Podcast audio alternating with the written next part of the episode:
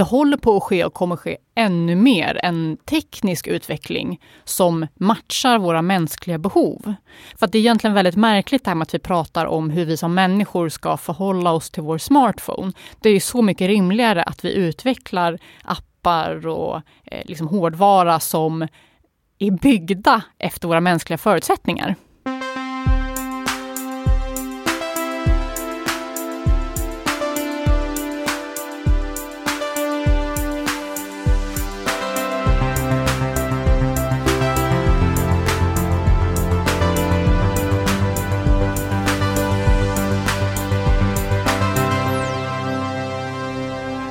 Hej och välkomna till Heja Framtiden. Jag heter Christian von Essen och det är jag som är den vidriga måsen som oförtrutet skriker ut budskapet om en bättre framtid och hur vi ska skapa den tillsammans. Hur påverkas hjärnan av vårt mobilanvändande och våra sociala medier? Detta ska vi prata om idag med författaren och psykologen Siri Helle. Hon tänkte skriva en bok om detta. Hon insåg ganska snart att det här är inte en fråga som är svart eller vit. Utan det finns en massa härliga gråzoner.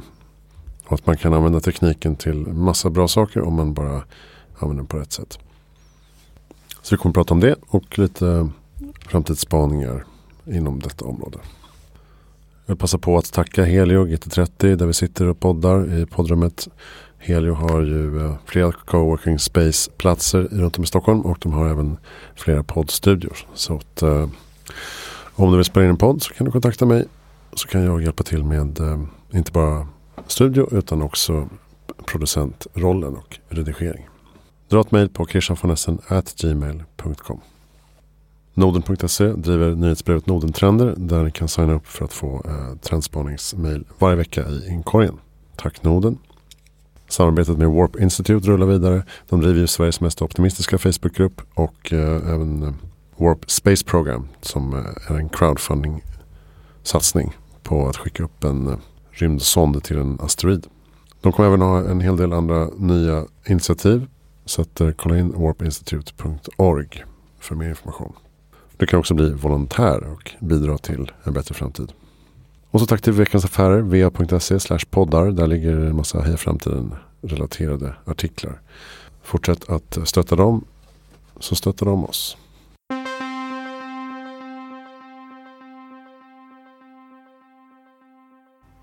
Välkommen till Heja Framtiden. Vi sitter här med uh, Siri Helle. Välkommen. Tack så mycket, jättekul att vara med. Psykolog och författare, kan man säga så? Mm, absolut. Aktuell med boken som heter Smartare än din telefon. Ja, precis. Och det är en eh, handbok kring eh, hur vi människor påverkas psykologiskt av eh, skärmar och mobiltelefoner. Men också hur man kan då ändra sina vanor för att få en mer sund relation till tekniken. Det känns som att du hittade mer positiva ingångar till den här boken än du trodde. Ja, verkligen. Jag har ju skrivit böcker tidigare och jobbar mycket med att popularisera psykologisk forskning på olika sätt. Eh, så, och de senaste åren har man kunnat läsa mycket i tidningar om eh, riskerna som finns med skärmanvändande och hur man har sett att Eh, mycket skärmtid verkar hänga ihop med depression, eh, sömnsvårigheter, ångest. Så därför tänkte jag att nu kan jag verkligen göra en insats för folkhälsan genom att skriva en bok om hur man gör för att avhålla sig från sin teknik. Men när jag väl gav mig in och började titta på den forskning som finns så visar det sig att det kanske inte handlar så mycket om skärmtid som hur man använder tekniken. Där det finns vissa typer av användning som eh, kan få oss att må bättre. Som till exempel att eh, ja, men umgås med vänner, att hänga i intressegrupper på sociala medier, att ja, men, kunna hämta barnen på förskolan för att man kan ta igen jobbet senare på kvällen och sådär. Men att det såklart också då finns det här problemanvändandet. Och det handlar om att dra ner på problemanvändandet men kanske också öka upp det här positiva användandet. Mm. Så det blev en annan bok än vi hade tänkt från början.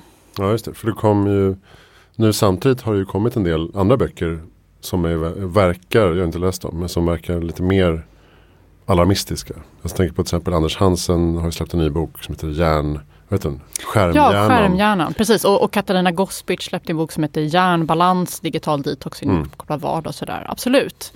Eh, så det har ju tidigare släppts och kommer antagligen släppas fler sådana böcker som fokuserar mer på det här eh, riskfyllda användandet. Mm. Mm. Eh, och där skulle jag säga att det är ju en sida av myntet. Eh, och liksom det finns som sagt då, forskning som visar att vissa typer av användning faktiskt eh, kan öka risken för, för ångest, för nedstämdhet. Eh, men det finns också en annan sida då som är det här positiva användandet. Ja, det känns som att din konklusion genomgående i boken är ju det beror på. Ja, visst är det tråkigt? Ja, men, Man skulle ju vilja ha ett enkelt svar. mm, Eh, ja, precis. Det finns ju många då experter som, som kommer med uttalanden av typen eh, ja, man ska inte ha mer än eh, två timmars skärmtid om dagen och eh, barn ska inte ha mer än x antal eh, skärmtimmar om dagen. Och, eh, där har man ju sett i forskningen då, det är väldigt många forskare som gått ut och kritiserat den typen av råd just för att det spelar så mycket roll, liksom vad, hur individen är, vad man lägger den tiden på. Vad gäller till exempel det här med barn och skärmar. Då har man ju sett att liksom på gruppnivå så verkar det som att måttlig tid med skärmar är det som hänger ihop med mest välbefinnande. Just för att det är väldigt mycket av ungas umgänge som har flyttat ut på nätet. Eh, ja, till exempel spela dataspel. Om man inte spelar dataspel så har man svårt att hänga med i vad de andra pratar om. Mm. Och också att barn som kanske inte har så mycket kompisar i skolan delvis kan kompensera för det genom att skaffa sig vänner online. Eh, och då blir det väldigt märkligt då om, man, om det då är det här barnet som har mycket av sina vänner online om man då säger att du får inte vara online. Eh, ja, verkligen. Nej, jag, jag är själv precis i den brytpunkten. Jag har ju barn som är två år, men, men eh, två barn som är då sju och nio. Mm. Ehm, som ju skulle liksom hugga av sin arm för att få ha iPad oftare. Ja, Ungefär. Ehm, de skulle kunna sälja mig ja. så att säga. okej. Ehm, Ja, och där får man ju liksom se till då att, eh, men att skärmen inte går ut över andra viktiga delar av livet. Till exempel att man eh, aldrig gör läxorna för att man bara sitter och spelar dataspel. Eller eh, att man aldrig tränar till exempel. För Mm. det är ju ett problem. Men ser man till att liksom, om det är ett barn som till exempel går på fotbollsträning tre gånger i veckan och sköter skolan, har kompisar, men dessutom gillar att spela Fortnite. mm. Ja, då kan ju det vara okej. Ja precis. Nej, jag önskar att man kunde ha fritt så här. Ja men kom hem, sätt dig i soffan, spela lite så länge du vill, gör något annat. Men det funkar inte riktigt. Alltså beroendet är för starkt. Så vi måste begränsa det med skärmtid. Och då blir det här trubbiga begreppet skärmtid. Mm, mm, Som man inte vill, liksom vill använda egentligen. För att vad är näst, eh, alltså det blir förvirrande nu när de börjar använda sociala appar till exempel. mm. Någon eh, min dotter facetimar med sin kompis. Är det skärmtid? Hon skriver på en novell på datorn. Eh, räknas det in? Och då blir det så här, nej men när ni spelar liksom spel, då det är så att säga skärmtiden. Ja, att precis. Det blir liksom ett väldigt eh, trubbigt begrepp det här med skärmtid. Eftersom Eh. verktyget är så användbart. Ja, exakt. Och där tänker jag att det är dags att vi börjar nyansera den här diskussionen. Alltså det är inte så konstigt att det är så här vi har pratat om det med tanke på att tekniken är så ny. Eh, det tar ju ett tag att liksom, ja, skaffa sig egna sunda vanor, att eh, skapa sociala normer kring användande och där har det ju börjat hända väldigt mycket. Så till exempel har man ju de flesta idag tycker kanske inte att det är okej att till exempel eh, sitta och svara på jobbmail vid middagsbordet. Eh, och den typen av överenskommelser kan man ju göra hemma. Att, ja, men när vi äter middag så har vi inga skärmar. Eh, precis, eh, när man ska gå och lägga sig så har man inte skärmar. Eh, när vi umgås så har man dem inte men däremellan så kan det vara okej. Eh, och då också att reglera innehållet. Eh, så liksom eh, menar att vissa typer av aktiviteter på skärmen, det kan man göra hur mycket som helst. Alltså jag brukar säga att man kan se på skärmtid som man ser på mat. Att det handlar om eh, vad man konsumerar och i vilken mängd. Eh, så är det jättemycket sallad, ja, men då kan man verkligen frossa i sig. Medan de här efterrätterna, de kan man försöka hålla ner på. Snarare än då att se på skärmtid som man ser på till exempel droger, att ju mindre desto bättre. Mm. Samtidigt finns det ju en, tycker jag, en parallell i beteendet eh, hos eh, eh rökare. Alltså, eftersom jag är gammal rökare så det är samma typ av reflex. Att man så här, har några minuter över, väntar på bussen. Ja men väntar överhuvudtaget och eh, har dödtid eller eh, eh, efter middagen. Då är det just det här att om man säger som du säger att eh, telefonerna är förbjudna vid matbordet men efter maten då kan man liksom luta sig bak och ta en kopp kaffe och ta fram den. Precis som man gjorde med en cigarett tidigare. Mm. Och det kan ju vara lite fint. Ja precis, det, kan, det beror ju på då, eh, är det här någonting som man tycker tillför livet någonting? Eh, eller som det låter som att du pratar om också, att det här slentriananvändandet som kanske snarare bara blir liksom för att man inte står ut med att ha tråkigt i två sekunder och då genast reflexmässigt så tar man upp mobilen. Mm. Eh, och det har man ju sett att det kan ju få människor att, att må sämre. För att man upplever då kanske att man eh, eh ja, men spenderar mer tid på sociala medier än vad man skulle vilja. Att man skulle vilja göra någonting annat av den tiden. Ja, just det. Ja, det är kanske två olika saker jag tänker på. Men för jag, jag vet bara med mig och min fru då kan det vara så att efter en måltid så då tar vi fram mobilen och, så, och då kan vi liksom visa någonting eller man kan synka kalendrar och liksom prata om det som händer i världen. Mm. Ja, så det blir på något sätt en typ av underlag för diskussion. Ja, och, eh, och då kanske man pratar så här, jo förresten svarade du på den här, ja just fan, ja då måste jag hämta telefonen och så har man liksom ett möte nästan. Ja. Eller efter en fil filmen är slut så kanske man sitter och slöscrollar en stund innan man går och lägger sig. Jag tänkte på det när jag läste en bok också. att Det är så lätt att säga att det är fel, det är skadligt, det är dåligt beteende, det är beroendeframkallande. Bara, eller så är det inget problem. Alltså eftersom det inte är problem i mitt liv så behöver jag inte behandla det som ett problem heller. Precis, och det är det som är den kritiska frågan. Eh, upplever man att det orsakar problem? Och där känns det som att det har gått för långt åt andra hållet så att all skärmtid skulle vara någonting dåligt och målet är att ha så lite som möjligt. Det har nästan blivit en hälsotrend. En markör på att man är en sund människa, att man har lite skärmtid. Och en markör på att man är en god förälder om ens barn har lite skärmtid. Mm. Och då tänker jag att då har man dragit det eh, för långt. Just det, att sluta med sociala medier är också trendigt. Mm, precis. Eh, och som sagt då, då, finns det sätt man kan använda sociala medier på som faktiskt eh, får en att må sämre. Man har sett att det här mm, passiva scrollandet i flödet eh, när man då eh, ser bilder då på andras perfekta liv och eh, solnedgångar. Det kan få en att må sämre eftersom man blir avundsjuk eller tänker varför inte jag så här just nu. Medan däremot aktivt användande, att interagera med kompisar, det kan få en att må bättre. Mm. Men du menar också att man ska ta mer kanske ansvar för sitt flöde. Alltså att kurera det bättre så att man inte bara ser Maldiverna. Mm. Utan ja, man får lite exakt. blandning och uh, lite spretighet. Det är svårt eftersom algoritmerna är som de är. Men uh, man kan i alla fall ta bort dem som får en att må, må dåligt. Ja, och aktivt söka upp konton som man är intresserad av. För där tänker jag att det har varit då som sagt väldigt mycket slentrian i vårt användande de senaste åren. Att man, man följer de konton som många följer och så. Ehm, och då efter den här perioden av vilda västern så kanske det är dags att vi tar tillbaka mer av den kontrollen och gör aktiva val. Eh, och där tänker jag att en, verkligen en sån grej, att kurera sitt flöde, att eh, att börja prata med sina kompisar mer om eh, eh, vilka konton de är intresserade av, eh, få tips från dem. Men också då kanske upptäcka om man följer något sånt där konto som man inte mår så bra av. Det kan vi märka då till exempel eh, ja, men om man följer väldigt många så här, fitnesskonton som får en att känna sig men ofräsch och tjock. Det mår man inte så bra av. Eh, och det kan vara svårt att upptäcka själv att det här är någonting som man inte mår bra av. Men då i, i diskussion med andra så, mm. så kan man börja upptäcka sådana mönster. Jag tycker du hade en rolig liknelse också. att alltså När man kommer upp på en viss nivå av eh, status på något sätt så omger man sig med andra med den nivån eller högre. Så att eh, man kan aldrig liksom man kan aldrig vinna heller. Utan som, som du tog som exempel att när du hade som författare fått en fin recension på en blogg så hade du i författar, skaffat dig författarkollegor och vänner och kontakter. Så att när du gick in och skulle posta det så såg du en annan kompis som hade fått en jättefin recension i DN istället. Ja, och då precis. blev inte det lika fett. Att, då, då liksom drar du dig för att posta din recension för att den inte når upp till vad du anser är en ny standard. Mm. Och det där blir en lustig psykologisk men man lurar sig själv lite grann.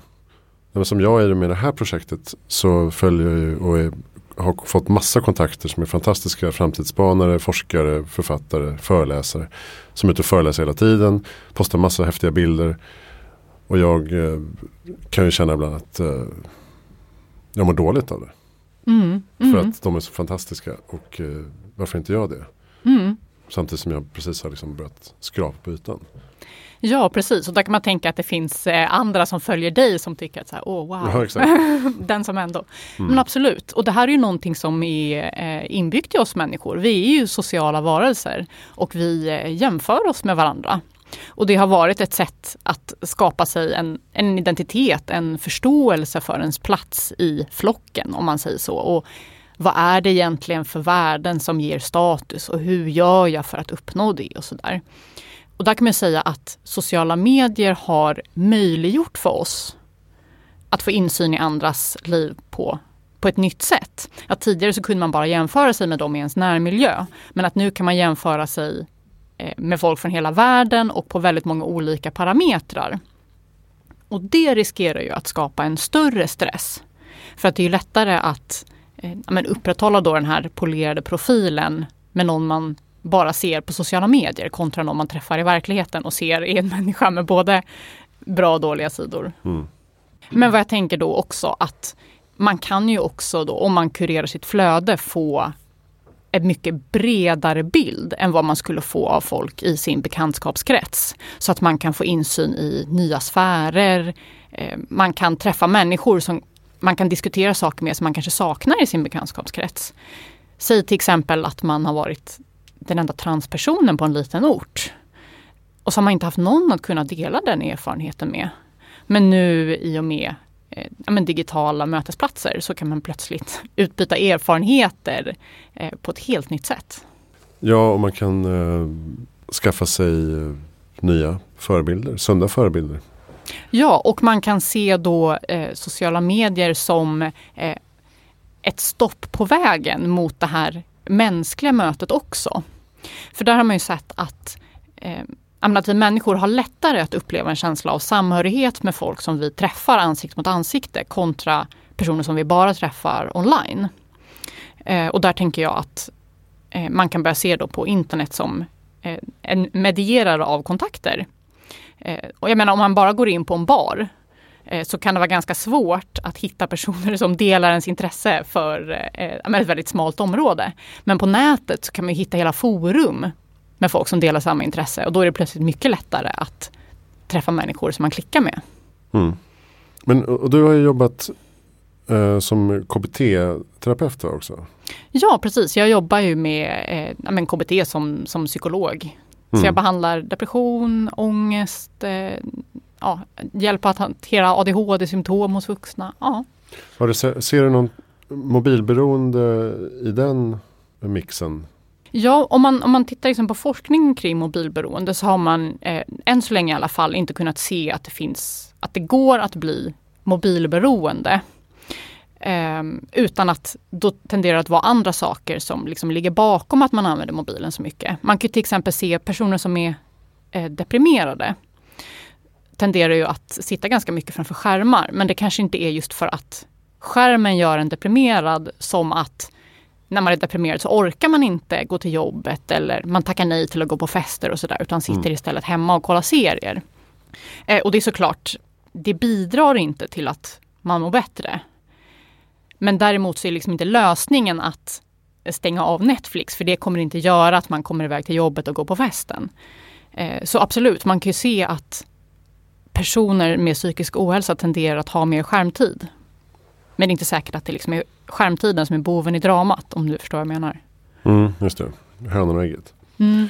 Men, men ser du någon skillnad? Tror du att våra hjärnor håller på att påverkas och förändras eh, vad gäller eh, koncentration och fokus och minneskapacitet till exempel? Eh, den forskning som finns på området det är ganska smalt än så länge för det här är ju väldigt nytt forskningsfält. Eh, vad man kan säga på, på kort sikt så får det absolut effekter. Eh, och det beror ju på att vi människor eh, eh vi försöker eh, spara så mycket tankemässig energi som möjligt. Så om vi har möjlighet att avlasta till exempel vårt minne på eh, digitala hjälpmedel så gör vi det. Så man har sett till exempel att personer som eh, fotograferar saker tenderar att inte minnas lika väl vad det är de har fotat. Som de som bara har liksom studerat det här objektet. Um, och då är det för att man använder tekniken som, som en avlastning. Men, Men på lång sikt så har ju den fotograferande människan fotot kvar. Ja, exakt, exakt. Eh, och det är samma sak då med, eh, man har sett att personer som får eh, kolla upp information eh, och skriva ner den och sortera det liksom digitalt. De tenderar att inte komma ihåg den informationen lika bra men de kommer ihåg var man kan hitta den. Och det kan man då göra analogt till folk som googlar mycket. Mm. Att de har liksom tillgång till väldigt mycket mer kunskap på nätet. Men de kanske inte eh, kommer ihåg den lika väl. Eh, och där kan man ju tänka då att det blir ett problem om vi aldrig lär oss saker. Eh, så att man liksom varje gång man ska ha ett samtal med någon så måste man ta upp telefonen och googla. Mm. Eh, men däremot kan man tänka att det frigör tankekapacitet till att kanske lösa mer komplexa problem.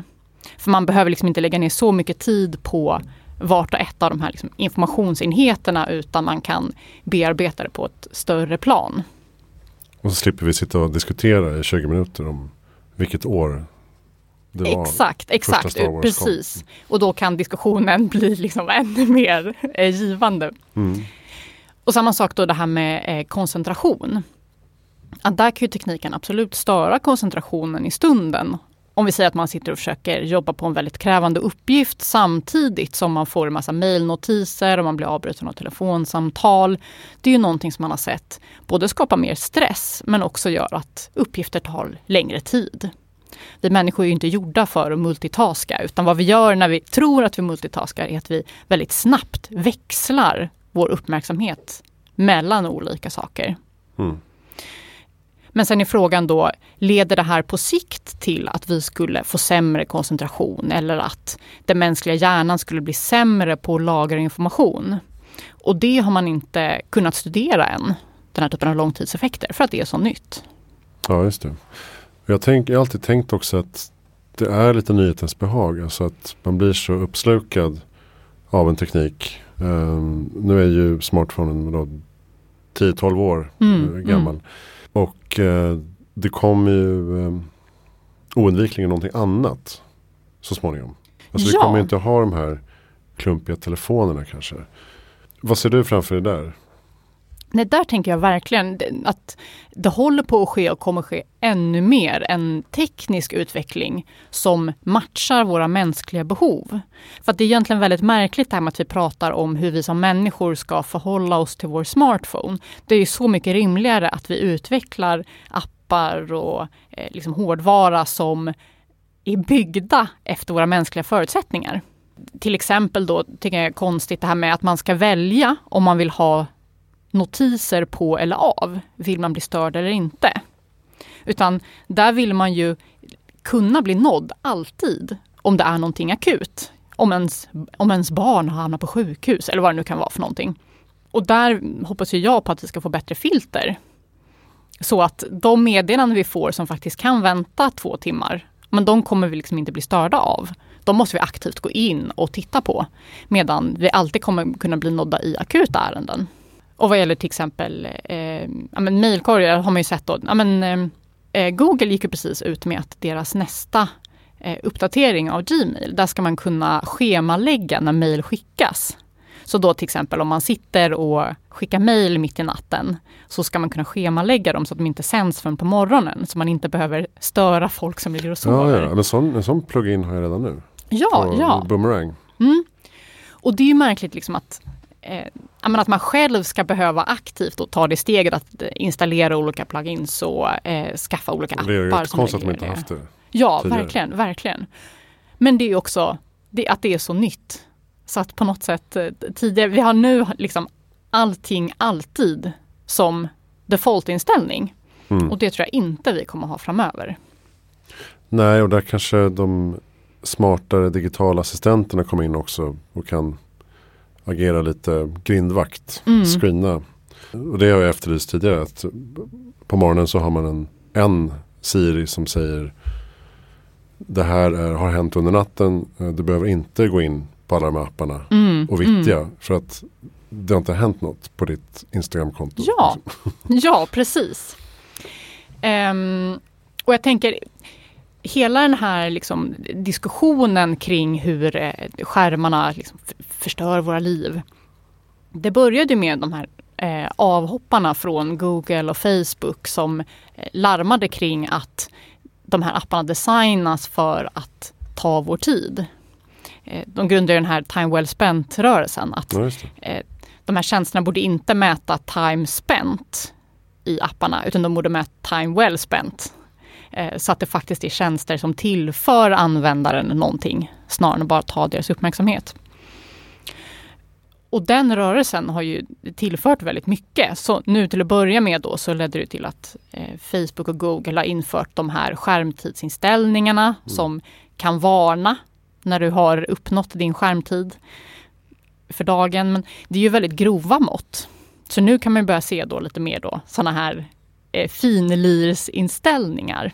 Eh, och i framtiden så vill man ju då se liksom, eh, nya tjänster som från grunden är designade med det här i åtanke. Mm. Ja, du var inne på det också i boken att eh, de här affärsmodellerna med liksom annonsvisningar och eh, tid, uppmärksamhet och sådär. Det måste, det måste ändras på sikt. Mm. För att eh, det är liksom inte hållbart att bara utforma allting för att det ska bara stanna, stanna, scrolla, scrolla. Nej precis, till exempel det här eh, uttalandet eh, från Netflix då att deras största konkurrent är människors sömn. Eh, ja, men precis, så vill vi ju inte ha det. Eh, och där kan man ju tänka sig då att, ja, att vi kommer se nya affärsmodeller framöver. Till exempel att fler människor är beredda att betala för sina, eh, för sina appar. Eh, just för att se till att man får hög kvalitet på tjänsterna. Ja, just det. Jo, det kan man faktiskt tänka sig. Att det finns en, att man inte betalar med sin data och sin tid eh, hela tiden. Precis, utan att man betalar med sina pengar. Men i gengäld så får man då en bättre tjänst. Mm. Och det tänker jag att eh, så här har ju varor och tjänster varit utformade i decennier. Jag tänker, ja, men i boken så tar jag upp den här liknelsen med mataffärer. Om man går in i en mataffär idag så är ju den utformad för att man ska köpa så mycket som möjligt. Så att eh, de varor som man behöver ofta, till exempel eh, mjölken, står ju längst in i butiken så man måste passera alla varor på vägen dit. Vid kassorna så finns det en massa godis som man ska plocka åt sig när man står där och väntar. Men där kan man ju tänka sig då att mataffärer skulle kunna utformas för att man ska gå därifrån med en så hälsosam matkasse som möjligt. Exempelvis. Så eh, tänk då om det var eh, chipsen och eh, läsken som stod längst in och vid kassorna så där fanns det, jag vet inte, energy bars eller eh, frukt, vad vet jag. Mm. Som man skulle må bra av att plocka på sig. Och samma skulle det kunna vara med vår teknik. Att den blev en ängel på axeln som faktiskt gjorde oss till bättre människor. Och som hjälpte oss att leva efter våra värderingar och spendera vår tid väl.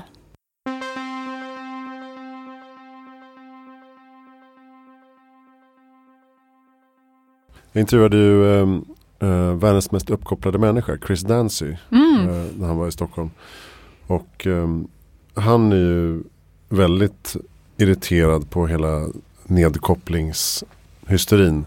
Och menar att det där är alldeles för sent. Det borde vi ha pratat om för tio år sedan. Vi kan inte koppla ner. Vi är ett med tekniken och liksom ta ansvar och gör det bästa av den istället. Och han mäter ju allting då som han gör för att skaffa sig en bättre bild av hur livet ser ut, när han är lycklig, vilka låtar han lyssnar på, hur han tränar, hur han arbetar när han är produktiv.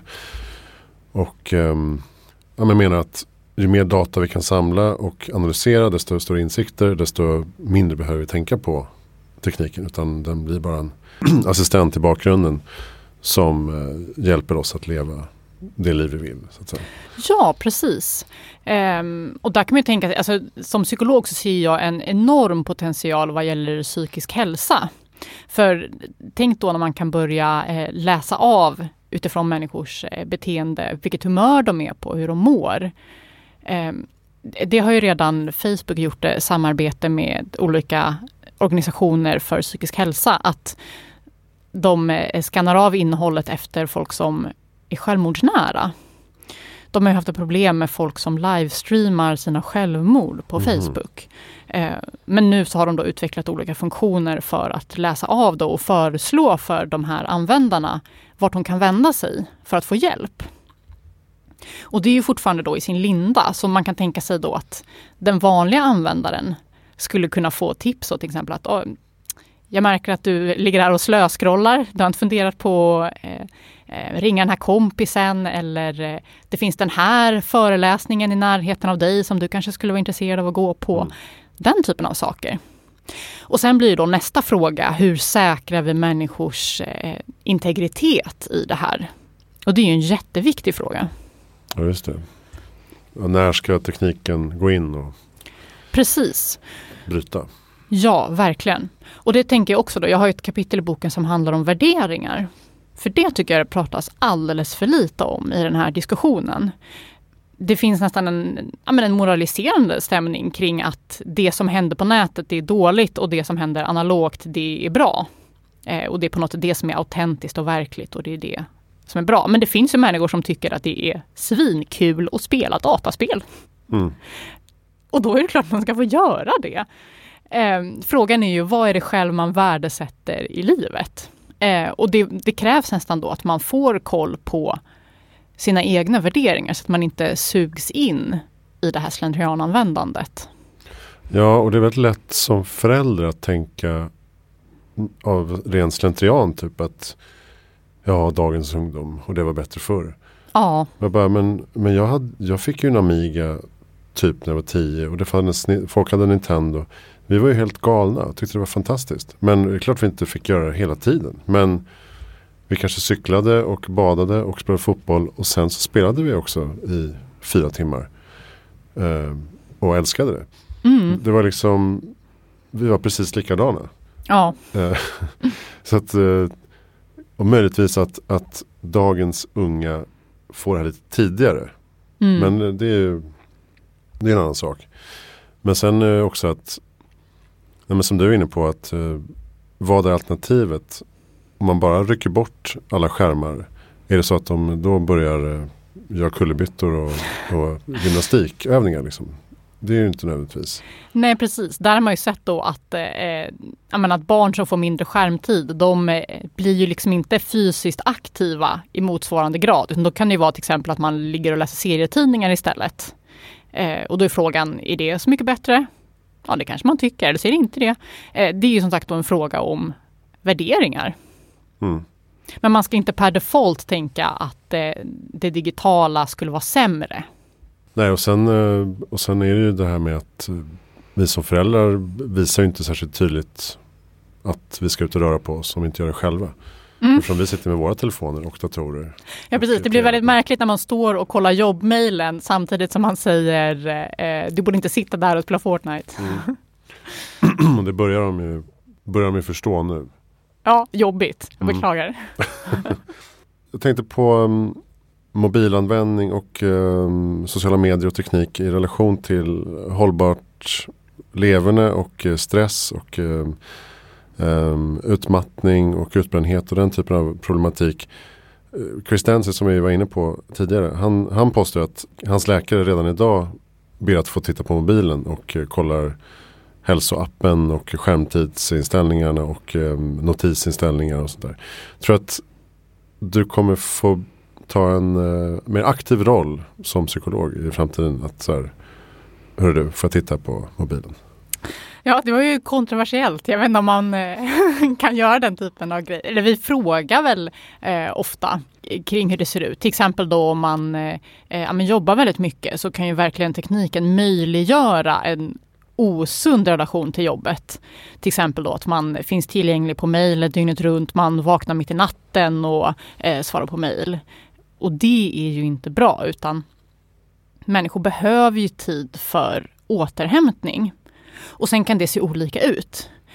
Man kan dela upp människor i eh, segregerare och integrerare. Där de som segregerar jobb och fritid gillar att ha det väldigt tydligt uppdelat. Att ja, men under arbetstid, då jobbar jag. och på kvällen då är jag helt ledig. Medan då integreraren gillar att ja, men kanske kunna boka en resa under arbetstid och sen så jobbar man lite på kvällen och sådär. Och det är helt fine. Förutsatt att man också får då den här arbetsfria tiden när man bara kan ta det lugnt. Um, och där tänker jag att också arbetsgivare framöver kommer behöva hjälpa till, både arbetsgivare och psykologer. Nej, men att ge människor de här gränssättningsstrategierna. Mm. Så till exempel om man känner att man behöver kolla jobbmilen på kvällen, att man avsätter en bestämd tid när man gör det. Så då till exempel, ja men klockan nio varje kväll kollar jag milen. Och då gör jag det till halv tio och inte mer. Så man kan koppla av både innan och efter. Och det här har blivit lagstiftat i bland annat Frankrike väl? Att eh, arbetsgivare får inte skicka mejl efter arbetstid. Mm, precis, att arbetsgivare kan liksom inte begära att arbetstagare ska finnas tillgängliga efter arbetstid. Och det är på något sätt rimligt om man inte får betalt för den arbetstiden också. Nej, och det där, det där är någonting som sitter mycket i ens hjärna också. Att man tror att man måste agera och svara på allting. Det, ja, man har ju sett att eh, arbetstagare tenderar att överskatta hur nåbara de förväntas vara.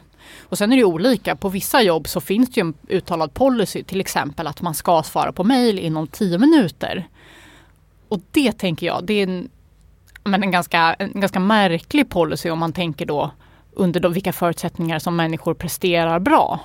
Just för då att det här ständiga växlandet gör att människor presterar sämre.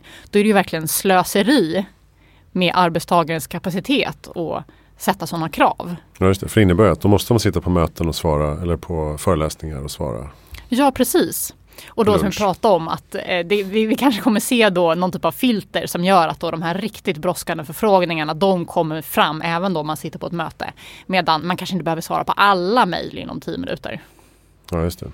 Men jag tänker som eh, eh, psykolog då att det finns en oerhörd kapacitet vad gäller till exempel internetbehandlingar. För det ser man ju nu att sjukvården har väldigt eh, svårt att möta den här ökade efterfrågan på behandling mot psykisk ohälsa. Och, eh, och sen vet man ju inte, är det den psykiska ohälsan som ökar eller är det personer som tidigare inte har, som har sökt, inte tidigare har sökt vård som nu söker? Och vad gäller då till exempel eh, internetbehandling, att man, då, då, finns det ju färdiga moduler online som patienten går igenom och sen får, får svara på frågor, får utforma egna eh, övningar och hemuppgifter som man gör. Och sen får man då feedback av en eh, psykolog, behandlare på, på andra sidan som mm, Eh, ändå läser ens svar och ger liksom meningsfull feedback. Men det gör att den här behandlaren istället för att kanske kunna ha eh, 30 patienter i veckan så kan man ha 80 patienter. Eh, och det tänker jag att man kommer se globalt också. I länder som kanske inte har sjukvård liksom inbyggt då i, i, eller infrastruktur för att människor ska kunna åka till en klinik och få behandling så kommer man hoppa över det steget i många fall och tillhandahålla då internetbehandling. Mm. Och som någon eh, sa, jag tror det var Christian Gottman, han nämnde det i eh, förbifarten att det finns ett AI-experiment där eh, man har testat chattbottar på ungdomar som är eh, deprimerade. Mm.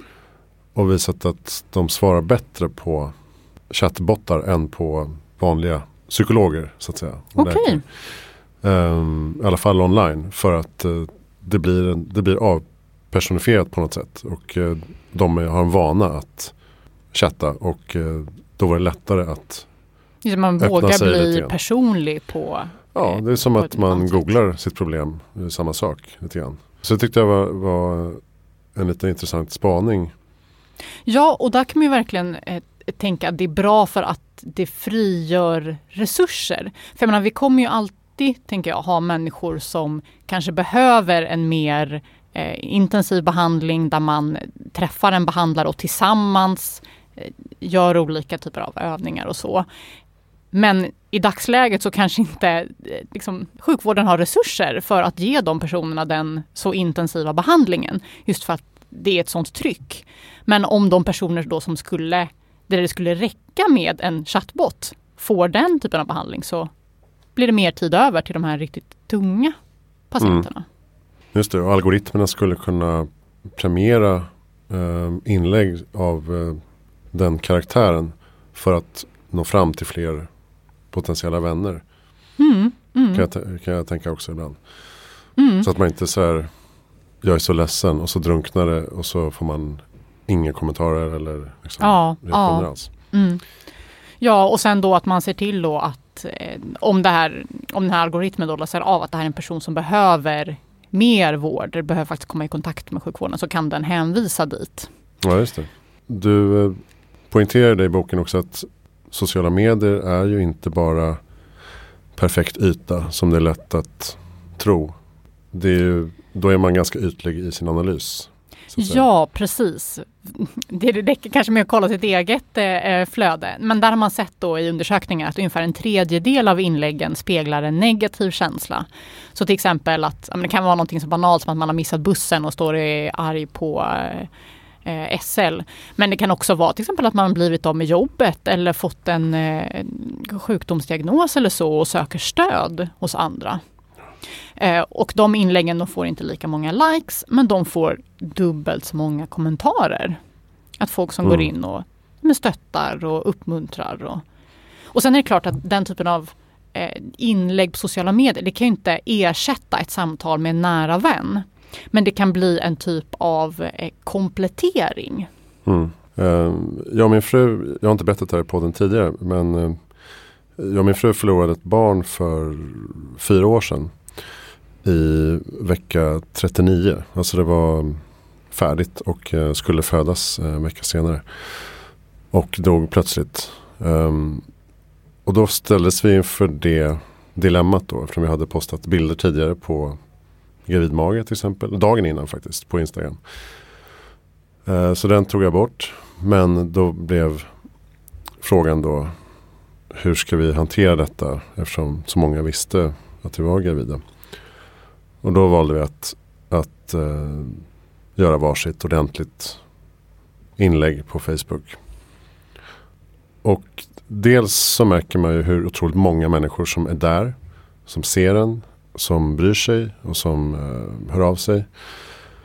Och dels så märker man hur viktigt det var för processen. Um, det kändes jätteskönt att veta att alla vet nu. Så jag behöver inte hamna i konstiga situationer på stan där någon frågar hur, hur går det med, med barnet. Typ. Utan man ville bara att alla skulle känna till det här. Och så börjar vi där. Liksom. Mm. Och det vet jag, jag vet fortfarande folk som, som säger att jag, som jag inte knappt känner, som säger att jag, jag kommer verkligen ihåg det där inlägget. Och det var så omtumlande och det fick en att tänka. Så vi kände verkligen så att vi har bidragit till någonting. Vi har fått folk att här, stanna upp. För Mm. att det här var de inte beredda på i, i sitt flöde. Mm. Eh, Den här typen av eh, uppriktighet och ja. och sorg. Så det, och det var, så det var, jag vill bara säga det, det var otroligt eh, värdefullt. ja. Eh, så man ska inte dra sig för det, tycker jag. Mm. Det finns otroligt mycket kärlek och omtanke. Ja. ja, och där tänker jag samma sak eh, om vi tar ja, men, metoo-rörelsen. Eh, Mm. att, att människor delar med sig av erfarenheter som de kanske inte hade delat med sig av till vem som helst öga mot öga. Eh, jag tänker det här avstigmatiseringen av psykisk ohälsa. Där har vi mycket sociala medier att tacka för det. Att, för då kan jag också tänka mig att man kan komma i kontakt med personer som har varit med om, om liknande saker eller som man kan dela den erfarenheten med. Som man annars kanske inte hade mött. Eller man hade inte vetat att de, man delade den erfarenheten eller så. Mm. Vad ser vi framöver då? Kommer vi att förändra vårt beteende? Håller det redan på att ske? Eller eh, kommer vi kräva att tekniken och plattformarna förändrar sig själva i grunden? Ja, jag tänker att just nu håller det på att ske en reglering på alla fronter, om vi säger så. Så dels håller vi på att ändra våra vanor. Eh, tidigare så har vi inte tänkt så mycket på det här med skärmtid utan vi har ganska okritiskt och naivt kanske eh, bara velat vara tillgängliga på alla plattformar jämt. Mm. Men nu inser vi att det kanske inte är hållbart i längden. Och också som en förlängning av det att vi börjar ändra våra eh, sociala förväntningar på hur mycket man ska vara nåbar, eh, vad som egentligen är sunt skärmanvändande. Och också då att lagstiftningen gör sitt bästa för att eh, komma ikapp och reglera. Och där, det kan vara ganska svårt just för att lagstiftningen kommer liksom aldrig komma ikapp på det sättet. Nej. Så därför sätter jag väldigt mycket hopp Eh, till teknikbranschen. Att de ska ta sitt ansvar i de här frågorna. Och faktiskt utveckla teknik som främjar välbefinnande.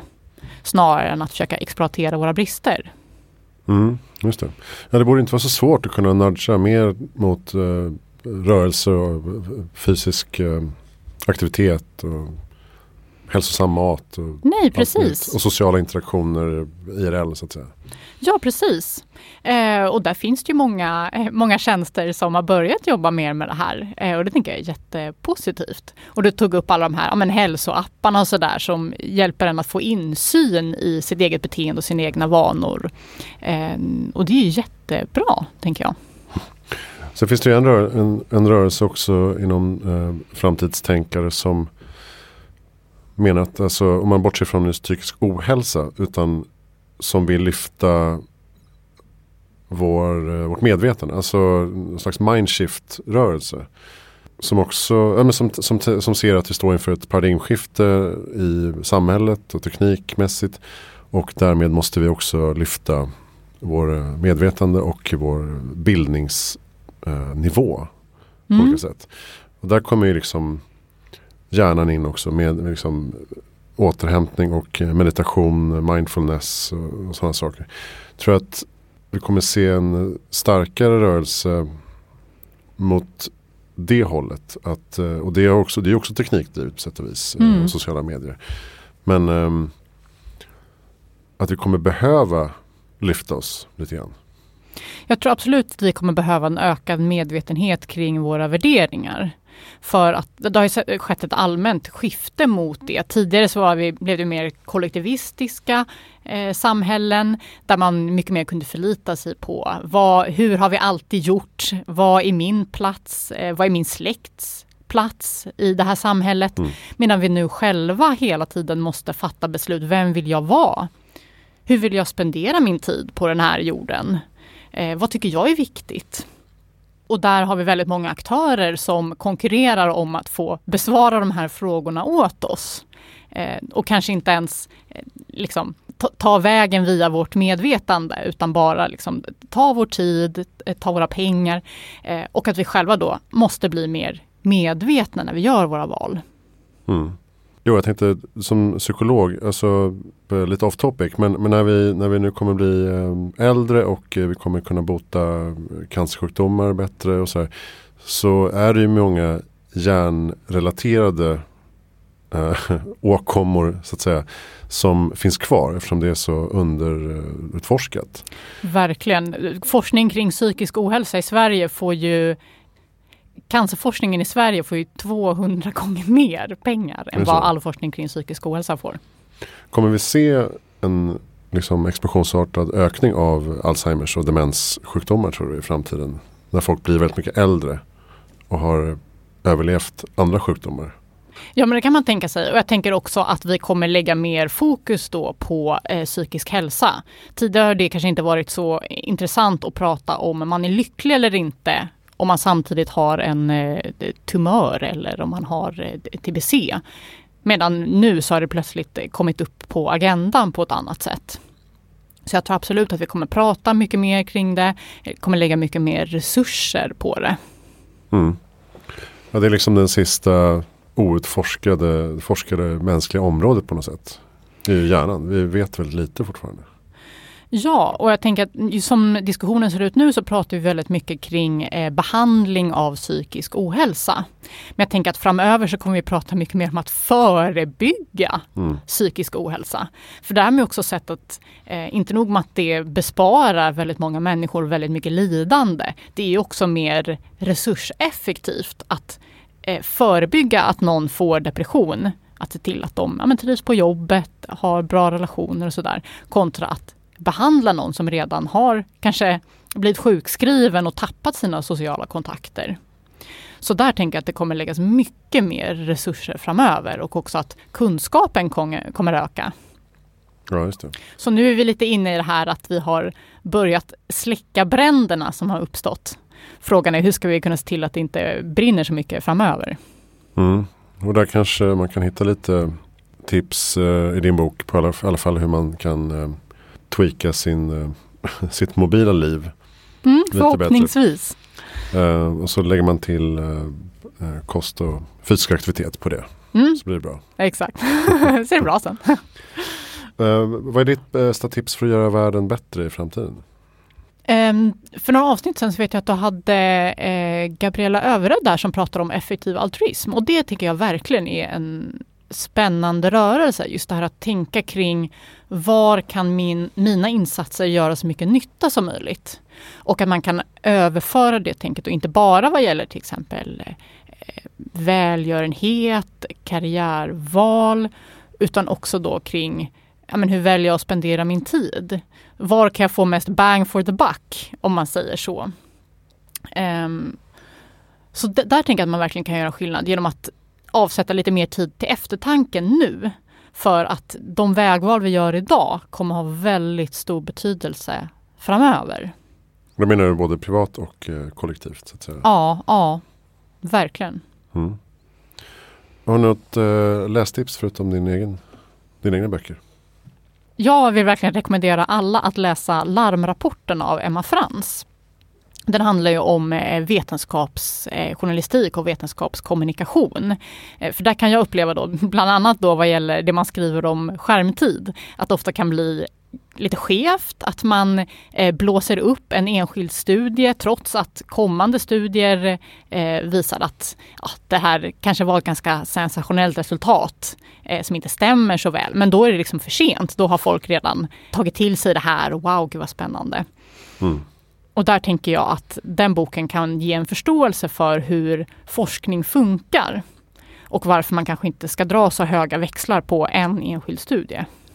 Just det. Hon tar också upp mycket av de psykologiska mekanismer som ibland står i vägen för den faktabaserade världsbilden. Ja precis, bland annat då i den här skärmdebatten så kan man ju se ganska många exempel på vårt negativitetsbias. Det vill säga att vi tenderar att lägga lite för mycket fokus på negativ information. Just för att det är det som har gett oss en överlevnadsfördel genom evolutionen. Att vi är vaksamma på risker och hot. Mm. Men det gör då att ja, men vi, vi har lättare att komma ihåg alla gånger som vi har sett en förälder försumma sitt barn eh, på bussen för att den har stått och tittat ner i sin mobil. Snarare än de gånger som ja, men en förälder och ett barn tillsammans har tittat på någonting kul och skrattat åt det eller sådär. Man kan väl säga att eh, en medvetenhet kring vad man håller på med är viktigt. Men eh, man behöver inte sluta upp med allting bara för att man läser det i tidningen. Nej precis, det handlar inte så mycket om skärmtid som hur vi använder våra skärmar. Och där kan vi verkligen genom att lägga om våra vanor få ett användande som leder till att vi mår bättre. Mm. Vem tycker att du ska intervjua i framtiden? Ja, varför inte Emma Frans?